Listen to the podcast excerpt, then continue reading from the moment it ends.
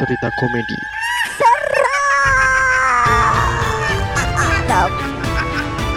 Balik lagi di Sisi Sadar bersama saya Rizka Farah. Bersama saya Sena yang saat ini lagi nyeduh kopi di tengah malam dan dengan kesunyian malam hari. Uh, pengen bikin podcast seperti kita. Download Anchor dong, nggak ribet. Tapi gigi Anda habis dicabut. Bener, gigi gua habis dicabut anjir jadi Kemarin yang yang lu cabut yang mana atas atau apa bawah? bawah bawah bawah sebelah kiri. Oh itu harus ini harus lu, lu kasih lem lu tempelin ke, ke jidat selama tujuh hari Enggak, biar nanti tumbuhnya pas. nggak bakal tumbuh kalau udah tua kayak kita. Mitosnya kan gitu. Gini bro, lu kan ini ya apa namanya paham soal tumbuh-tumbuhan kan.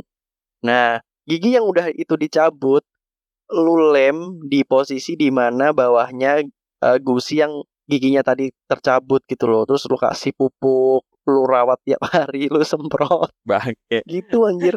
Lu kira Kan benih? jadi bibit dia Lu akhirnya. kira benih anjir bangke. Orang katanya ini apa? eh janggut itu kan akar gigi. Oh iya benar. Mm-mm. Ka- kemarin kemarin juga kata dokternya juga ini ini memang giginya tinggal akarnya doang mas. Jadi agak susah nih kalau mau dicabut gitu. Mm-mm. terus bilang ini akar tunggang apa akar serabut pak? Bang kalau misal kalau itu serabut gitu mau lu cangkok ya? Enggak. Ya kenapa mau dicangkok juga anjir? Lah biar tumbuh lagi dong. Oke ya bisa juga sih benar-benar. Biar bercabang ya iya tapi gigi lu ntar jadi rimbun dong iya benar bangke aneh nggak sih orang lu giginya kan kalau misal orang komen kan oh giginya putih bersih nih mas gigi anda kok rimbun sekali Iya, iya bener. Bangke malah. Jatuhnya malah kayak ini ya, kayak buat jambu gitu. Kenapa buat jambu ya? Oke, lanjutlah ini kita bakal bercerita lagi tentang cerita-cerita misteri ya kan. Yaps, karena di setiap cerita misteri Pasti ada celah komedi.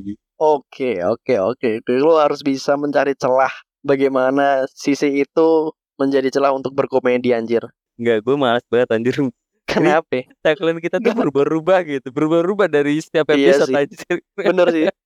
Kita tuh kita nih kayak kayak kebanyakan singkatan gak sih? Bener, apa-apa dulu disingkat apa-apa. Kayak lu tuh kayak apa ya? Susah ya. Terlalu banyak gimmick. Kalau misal kita biasanya kalau misal di setiap di podcaster Indonesia itu pasti ada gimmick nih. Teman-teman kalau misal ada apa sih namanya sekarang? Endemi ya? endemi apa apa ya bu eh, Iya lupa lagi gua Kalau misal kita diundang tuh pasti opening kita ada gimmick tuh pasti tuh. bener kita awali dengan gimmick-gimmick dan sebenarnya tidak perlu Oke, oke. tidak ngangkat juga gitu kan di komunitas sama aja oke lu mau bercerita apa nih Zal malam hari, hari, ini, kita dapat eh, cerita baru tentunya dari Demokras. Jadi gua mulai aja ya ceritanya soalnya agak agak panjang nih ceritanya nih. Cuman oke mari kita simak dan kita ulas. Sebut saja aku Nuri. Kejadian ini terjadi bukan di hotel, namun di Airbnb. Semuanya masih bisa relate ya. Jadi Airbnb itu kayak apa ya untuk pemesanan penginapan gitu, Bro. bener yang biasanya tuh di orang luar pa- lebih sering pakai itu daripada kita Di awal Juni 2019, saya melakukan perjalanan darat dari Bali kembali ke Jakarta. Di dalam perjalanan ini, selain istri dan anak, saya juga ditemani sahabat saya untuk bergantian menyetir. Mengingat anak saya masih berumur 8 bulan, di perjalanan kembali ke Jakarta kami berhenti dan bermalam di dua tempat. Pemberhentian pertama di kota Surabaya dan kedua di Semarang. Kami menginap di Airbnb dengan tujuan hemat biaya dibandingkan menginap di hotel. Di Surabaya kami menginap di Airbnb yang bagus, modern, dan tidak ada kejadian seram. Lokasinya juga berada di atas Pakuwon Mall. Kejadian, kejadian serem justru terjadi di Semarang. Airbnb yang kami book berada di apartemen yang lokasinya tidak jauh dari pusat kota Semarang. Di saat kami sampai di kamar, kami tidak merasa ada hal yang aneh. Hanya suasananya yang agak gerah karena kamar apartemen terkena matahari sore. Kami menyalakan semua AC yang ada di apartemen tersebut, dua di kamar dan satu di ruang tamu. Ketika saya buka tirai jendela, saya melihat bangunan tinggi yang berbengkalai, tetapi berada di depan kamar. Lokasi bangunan juga masih di dalam kawasan apartemen tersebut. Bangunan ini terlihat sudah lama tidak terurus dan mulai ditumbuhi tanaman liar dan monyet-monyet. Tuh, masa monyet tumbuh Gimana sih? sih? Maksudnya bentar bentar. Bentar. Kenapa ada monyet di situ? Ya mungkin udah liar bro, mau juga nggak tahu. Oh iya iya iya. Mungkin saking liarnya bahkan sa apa monyet-monyet pun pada datang ke situ gitu ya. Eh, eh, mungkin bisa jadi nih. Suaka Marga Satwa kayak nih. Waduh, ini salah nginep nih berarti nih. Bener, kayaknya beda, beda, beda, Beda kayaknya ini. nih. Ini apa nih? Ini orang atau apa nih? Jangan-jangan tapir atau Apa sih? kenapa Keluarga tapir, lagi? tapir. Kenapa keluarga tapir Iya. sih anjir? Iya nggak tahu masa sekolah keluarga tapir eh, berlibur. Gak apa-apa dong, gak apa-apa dong. Lanjut, lanjut, Oke, lanjut. gua lanjut. Karena badan yang lelah, kami memutuskan untuk pesan makanan melalui GoFood. Ditambah, kami juga berencana berangkat subuh dengan tujuan sampai Jakarta pada siang hari, sehingga kami memutuskan untuk menghemat energi. Pada malam hari jam 10, kami memutuskan untuk masuk ke kamar dan beristirahat. Namun ada satu hal yang janggal. AC kamar yang sudah dinyalakan dari sore tidak membuat kami menjadi dingin. Saya penasaran dan mengecek suhu udara yang keluar dari AC. Suhunya dingin normal, tapi anehnya kamar terasa panas dan pengap. Kami mencoba untuk tetap tidur dan berharap suhu kamar akan menjadi sejuk. Ketika kamar tidur, ketika kami tidur, mendadak anak saya menangis keras. Saat saya terbangun, saya kira saya sudah tidur dalam waktu lama. Ternyata jam baru menunjukkan sekitar jam 00 malam. Awalnya saya kira ini tangisan biasa. Namun anehnya anak saya tidak mau membuka matanya. Kami panggil-panggil namanya, namun ia tetap menangis. Sambil membuka matanya, sekali lalu langsung memejamkan matanya lagi dan tetap menangis. Kami memutuskan untuk membawa anak saya keluar dari kamar. Sahabat yang juga ikut terbangun dari sahabat yang juga ikut terbangun dan keluar dari kamar karena suara tangisan anak saya. Setelah diskusi akhirnya kami memutuskan untuk bertukar kamar. Tidak membutuhkan waktu berapa lama anak saya tidur dengan lelap. Ketika alarm jam 3.30 berbunyi, kami semua bangun dan mandi. Selagi menunggu giliran saya masuk ke kamar tempat awal saya tidur. Anehnya, kamar tersebut sangat sejuk. Kontras dengan beberapa jam sebelumnya. Kami pun akhirnya keluar dari apartemen pukul 4.30 subuh. Sebelum berangkat ke Jakarta, kami memilih untuk sarapan di McDonald's yang buka 24 jam. Di situ kami saling bertukar cerita karena sebelumnya kami seperti kompak tanpa dikomando untuk tidak bercerita apa pun sebelum keluar dari apartemen. Sahabat saya yang memiliki kelebihan ini mengatakan kemungkinan yang mengganggu merupakan penunggu gedung kosong di depan apartemen. Lalu dia pun bertanya kepada kami, apakah sejak kami masuk kamar, kami ada yang ke toilet atau tidak? Karena saat dia belum tidur, dia mendengar ada suara pintu terbuka dan terdengar langkah orang berjalan ke arah toilet. Nyatanya, sejak masuk kamar, kami sama sekali tidak keluar kamar sampai anak saya menangis. Dia juga mendengar suara yang berisik dari lantai atas. Sementara kami tidak mendengarnya sama sekali. Pengalaman ini sontak menjadi pelajaran yang sangat mengerikan bagi kami. Karena ketika saya membawa anak saya keluar dari kamar ketika anak saya menangis, ternyata teman saya melihat sosok tinggi besar berwarna hitam. Black Panther. Nah itu yang gua tunggu anjir. Dari tadi nih orang diem terus lah apa anjir? bangke. Gue bingung. Apaan? Batman yang hitam tinggi besar kan siluet Godzilla apa lagi Ya itu, tapi ya kalau misal sosoknya digambarkan itu ya mungkin si Bang Wowo sih. ya kemungkinan ya Iya. nih gue lagi bercerita dan kita lagi di alam gitu ya gue lagi record nih nggak nggak di tempat yang biasanya jadi kayaknya agak ini sih mungkin ya bisa aja mungkin ada suara-suara yang masuk nih gue nggak tahu Waduh, waduh, waduh. Apa nih? au kimochi au kimochi Kalau itu lu di tempat lokalisasi, Bang. Shop. kenapa mau kemasukan ini ya apa tradisi Jepang Itu bukan tradisi Jepang dong. Itu karena lu kebanyakan nonton bokep aja anjir.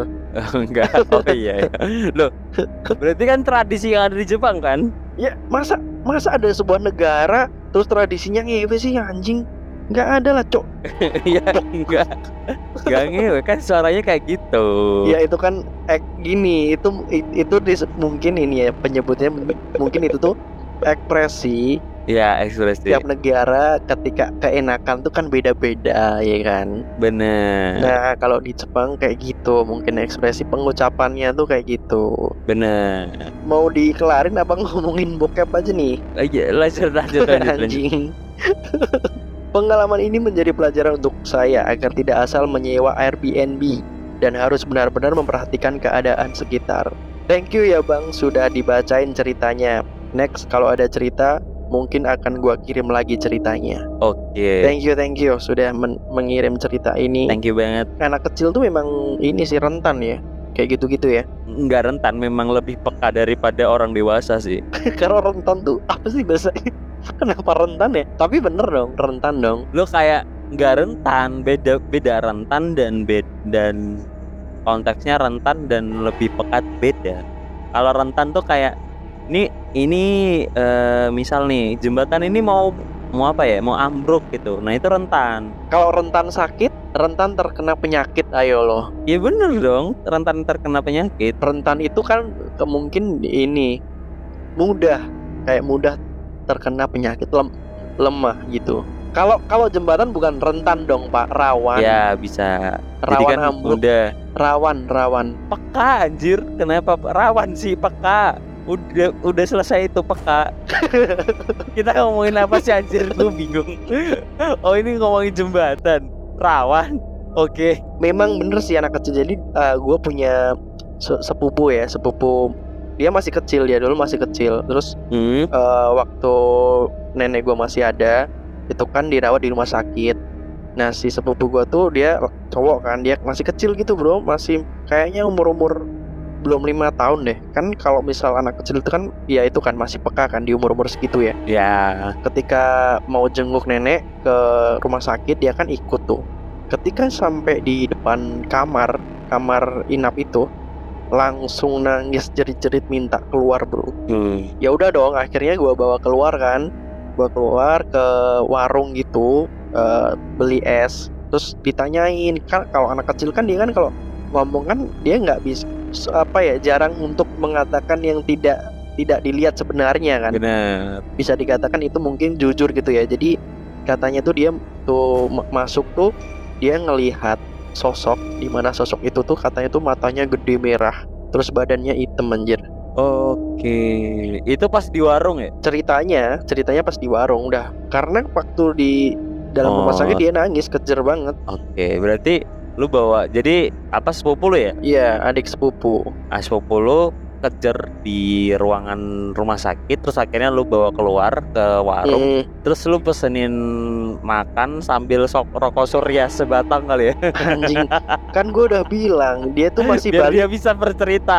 Ya kan bi- biasanya kan kayak gitu kan biar bisa bercerita lu kasih rokok gitu kan. Dah dah dah. Gimana gimana? Lu ngerokok dulu dah ngerokok dulu. Gimana gimana? Cerita cerita cerita. Sini sini. Eh, bangke. Kenapa? Kan gue udah bilang dia itu balita cuk kenapa tiba-tiba? Ya ya kan ya kali aja lu kasih kayak gitu gitu.